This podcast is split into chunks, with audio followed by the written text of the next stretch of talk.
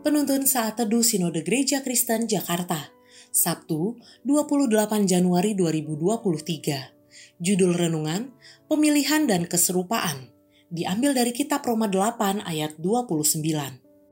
Sebab semua orang yang dipilihnya dari semula, mereka juga ditentukannya dari semula untuk menjadi serupa dengan gambaran anaknya, supaya ia, anaknya itu, menjadi yang sulung di antara banyak saudara dilanjutkan dari kitab 2 Tesalonika 2 ayat 13 sampai 14. Dipilih untuk diselamatkan. Akan tetapi, kami harus selalu mengucap syukur kepada Allah karena kamu saudara-saudara yang dikasihi Tuhan. Sebab Allah dari mulanya telah memilih kamu untuk diselamatkan dalam roh yang menguduskan kamu dan dalam kebenaran yang kamu percayai. Untuk itulah ia telah memanggil kamu oleh Injil yang kami beritakan sehingga kamu memperoleh kemuliaan Yesus Kristus Tuhan kita. Pemahaman tentang pemilihan Allah kepada umatnya sebelum dunia dijadikan adalah pengajaran sulit dipahami dan dimengerti dengan benar oleh banyak orang. Karena menurut sebagian orang, jika Allah sudah menentukan umat yang akan diselamatkan, maka itu akan membuat dirinya angkuh dan berbuat dosa dengan sekehendak hati. Sebab dia merasa dirinya yang sebagai umat pilihan Allah yang pasti diselamatkan. Respon semacam ini terjadi dikarenakan ketidakpahaman akan kebenaran tentang ajaran ini.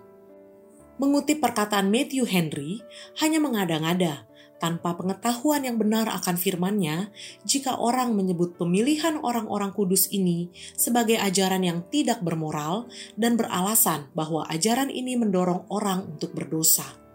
Jadi lantas, bagaimana memahami pengajaran ini dengan benar? Dalam nas kita renungkan hari ini, kita dapat memastikan bahwa Paulus mengatakan bahwa umat Allah adalah pilihan Allah sejak semula. Tertulis secara konsisten dalam Roma 8 ayat 29, 2 Tesalonika 2 ayat 13, dan nas-nas lain dalam Alkitab.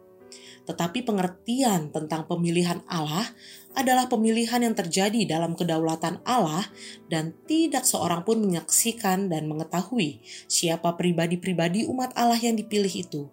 Semua dipilihnya menurut kerelaan kehendaknya.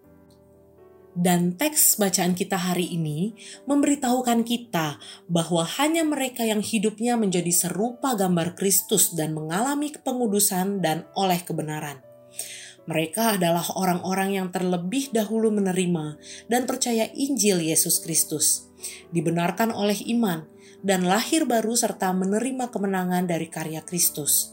Semua itu adalah bukti bahwa mereka sudah dipilih Allah. Pemilihan Allah memang tidak diketahui oleh siapa pun juga, tetapi seseorang sudah sungguh percaya kepada Injil Kristus dan hasrat hidup sepenuh menjadi serupa dengan Kristus dalam kekudusan dan kebenaran.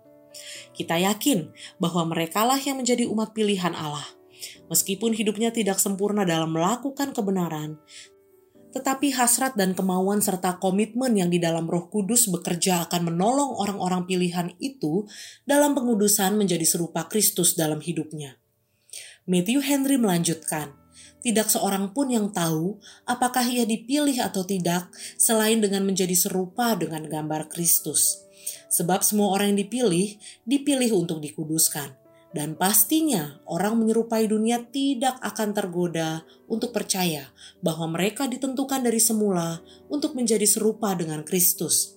Menjadi serupa dengan Kristus adalah hasrat hidup orang-orang percaya itu adalah natur dari seorang yang sudah percaya sungguh-sungguh kepada Kristus, yang sudah diselamatkan bukan karena perbuatan baiknya, tetapi karena anugerah Allah.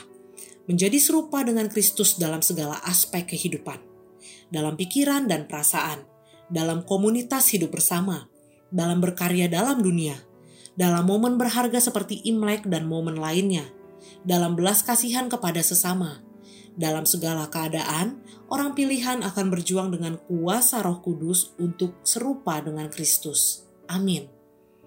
Sebab semua orang yang dipilihnya dari semula, mereka juga ditentukannya dari semula untuk menjadi serupa dengan gambaran anaknya, supaya ia, anaknya itu, menjadi yang sulung di antara banyak saudara.